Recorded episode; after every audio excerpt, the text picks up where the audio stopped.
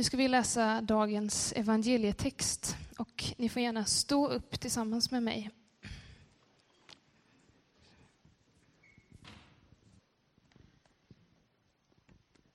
Och den är hämtad ur Johannes evangeliet kapitel 15, vers 10 till 17. Och på sidan 769.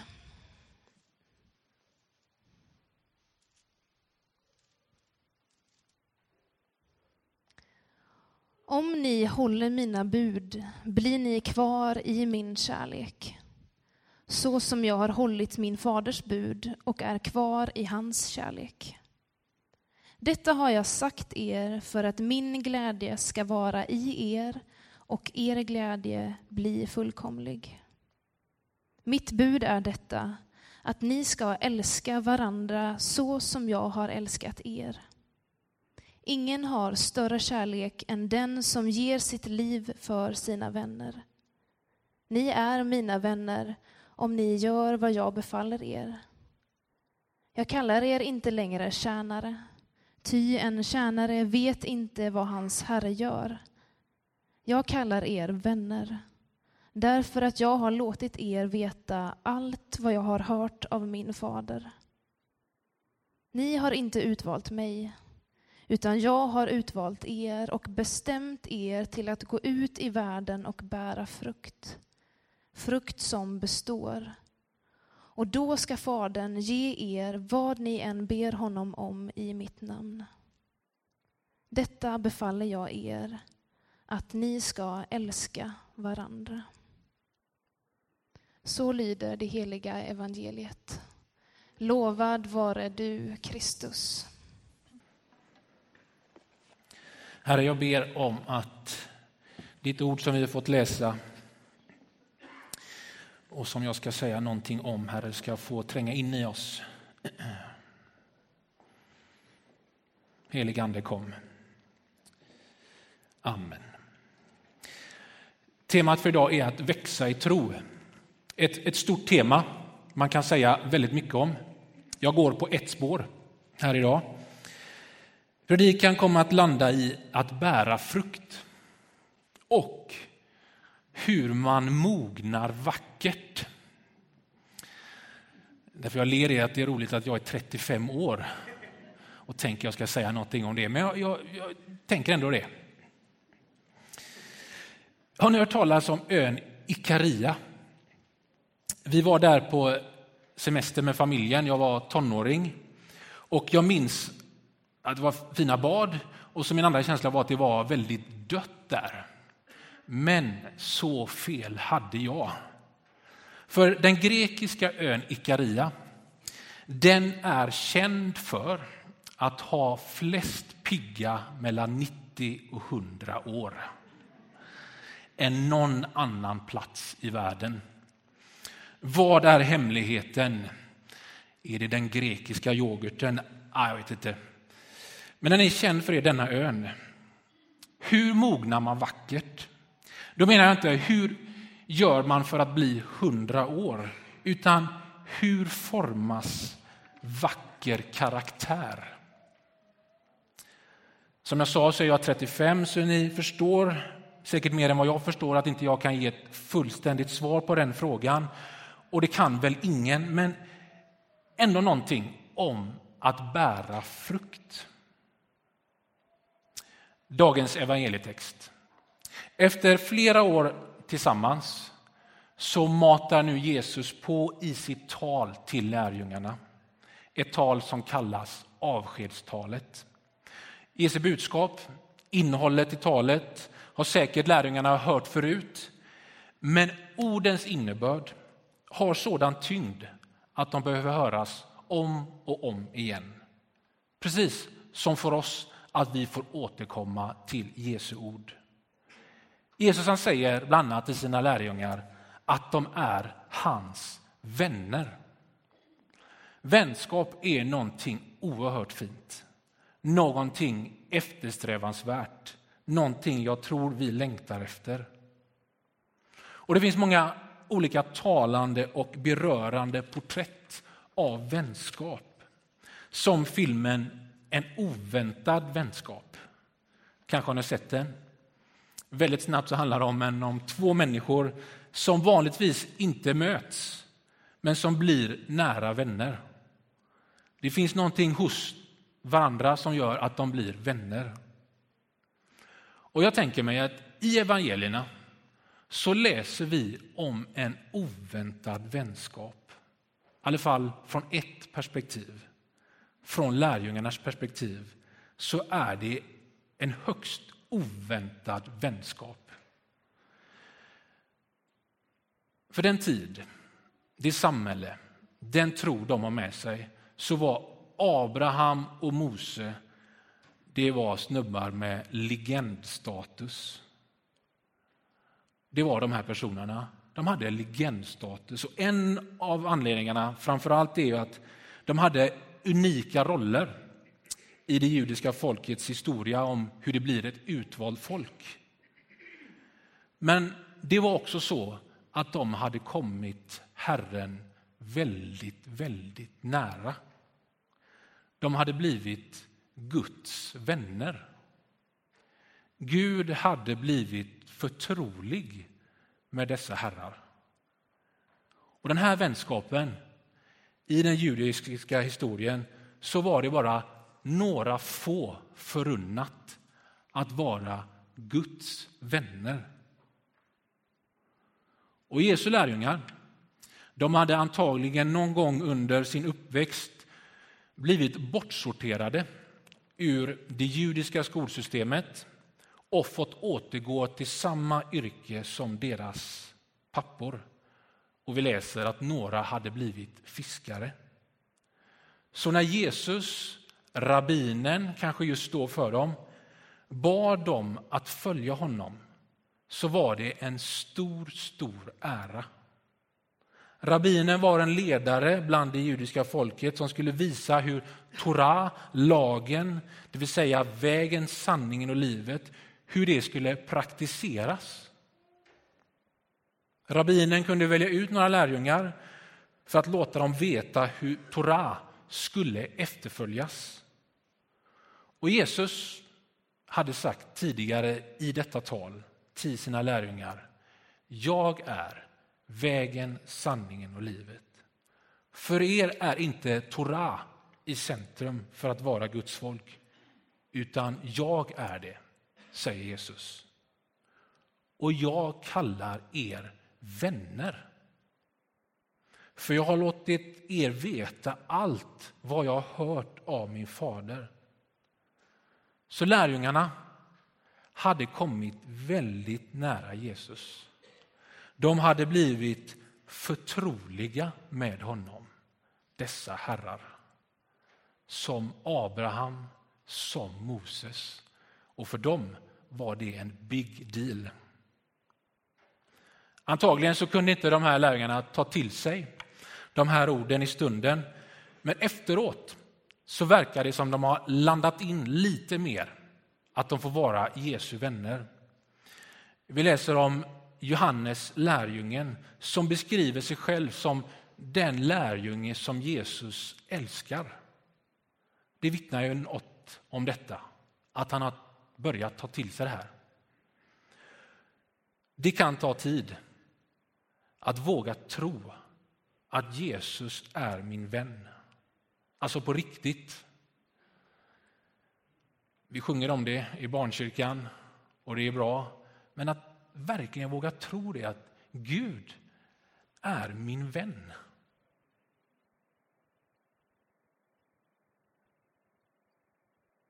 För Gud har låtit oss veta vad han gör. Det blir som en oväntad vänskap, men vi får vara Guds vänner. I Jesus kan vi se Fadern. Jesus har öppnat upp för oss att vara hans vän. Det börjar där du är. Det kan ta ett helt liv att upptäcka, men till slut skall glädjen bli fullkomlig. I Gud finner vi gemenskap. Fader, son och heligande. Som i vänskap.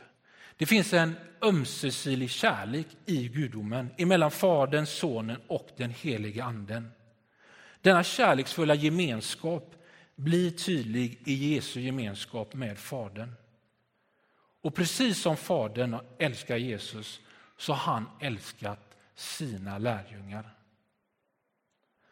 Lärjungarna vet inte om det än, men i ljuset av påsken vet vi hur stor Jesu kärlek är för oss då han ger sitt liv för sina vänner, men inte bara för sina vänner utan också för sina ovänner, för alla. Och Gud är gemenskap och denna kärleksfulla gemenskap mellan Fadern och Sonen den smittar av sig. Den är i sig inbjudande. I texten så läser vi att vi uppmanas att bli kvar i Jesus, hålla hans bud, bli kvar i hans kärlek, älska varandra och bära frukt. Och De här uppmaningarna de bärs upp av löften. Jag har utvalt er. Jag har bestämt er till att bära frukt. Jag har älskat er. Fadern ger, ni är mina vänner. Och uppmaningarna det blir vårt gensvar på Guds kärlek till oss. Uppmaningarna bärs upp av löften. Och jag tänker att i Gud så finner vi gemenskap. En gemenskap som bär frukt då Guds kärlek smittar av sig. Så för den som tar del av den gemenskapen så bär vi frukt. Den kristna andligheten är en gemenskap med djupa rötter som ger frukt som består, en slags vänskap. Det handlar inte om segar och snabba kickar utan rötterna finns i vem Gud är. Där hämtar vi vår näring. Därifrån får vi våra liv. Och ni märker säkert var det här är på väg. Men jag tänker att bära frukt, det kan vara att mogna vackert. Alltså, äldre blir vi. Men hur blir vi när vi är äldre? Hur mognar vi vackert?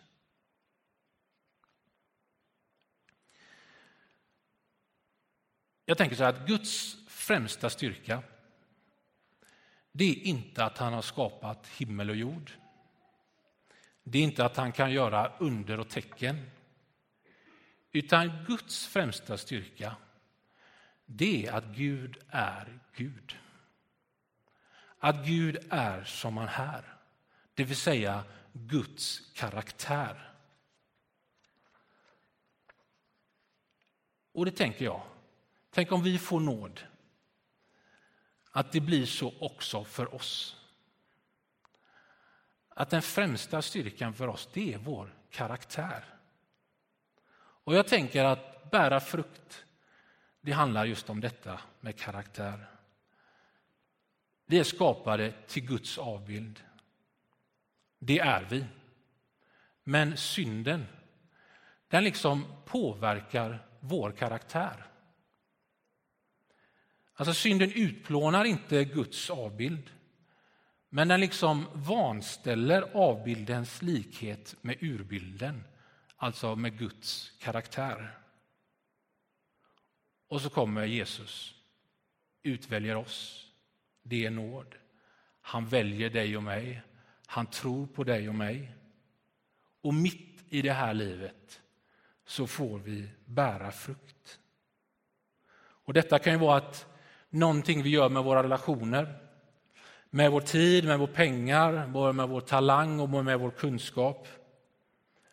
Och mitt i allt detta så finns den helige Anden och hjälper och styrker och uppmuntrar.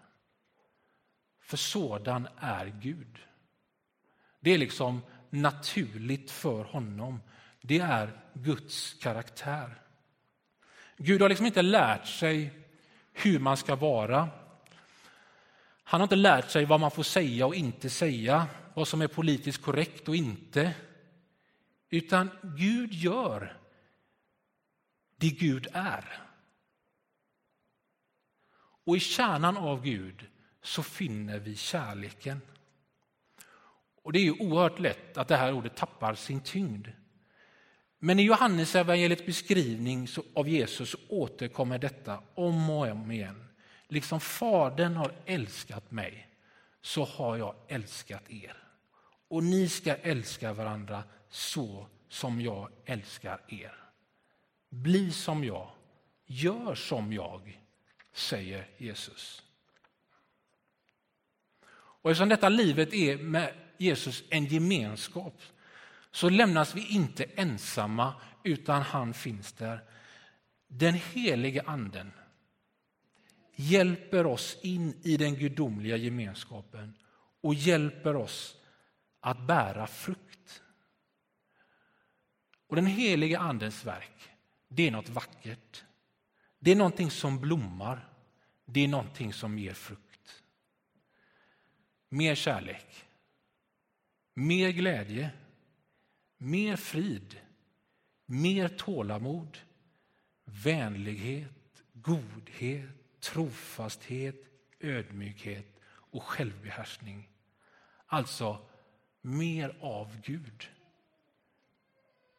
Och skulle det bli så med mig och med dig så är det ju nåd. Och vi får be om den heliga Ande. Helige Ande kom. Vi kan be Herre förbarma dig.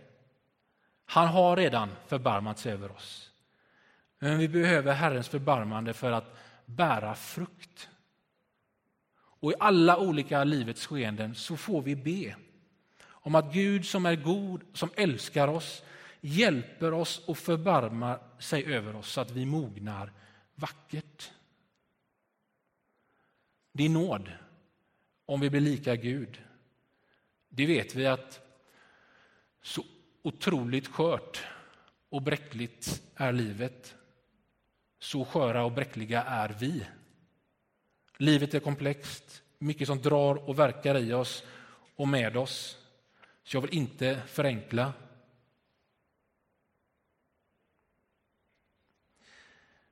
För er som känner mig vet att det är enklare att göra med mig när jag är mätt. Eh, om ni har sett eh, reklamen om, om Snickers, det är inte meningen att göra reklam för den här nu då, men så, så på ett sätt så är det någon som är, har väldigt lågt eh, blodsockervärde och blir som en diva i baksätet på en bil och de andra kompisarna tycker han är riktigt, riktigt störig. Och så ger hon den här chokladbiten och så kommer han tillbaka till liv på något sätt. Och det är otroligt stor igenkänningsfaktor för mig i den reklamen. Och eh, tror ni inte mig så kan säkert Therese vittna om det sen. Att jag är enklare och trevligare att göra med när jag är mätt. Och sen är det så att jag är ganska mycket bekräftande törstande. Jag jämför mig mycket mer än jag vill. Jag söker någon slags identitet av vem, vem jag är. Jag längtar efter status, att vara någon. någon. Jag tänker att det inte här är jätteunikt för mig, men så är det med mig. Men så finns det något annat också. Att det kan finnas en slags trygghet, någon slags frihet, någon slags frid och lugn i mitt inre. Det här är en ständigt pågående resa, det är dag för dag, timme för timme. Men jag tror att Jesus hjälper mig att bli mer trygg, mer fri, få frid och lugn i mitt inre. Att Jesus har liksom börjat forma och locka fram det bästa ur mig. Med Bibelns ord, Andens frukter. Att Guds karaktär, att avbilden blir mer lik urbilden.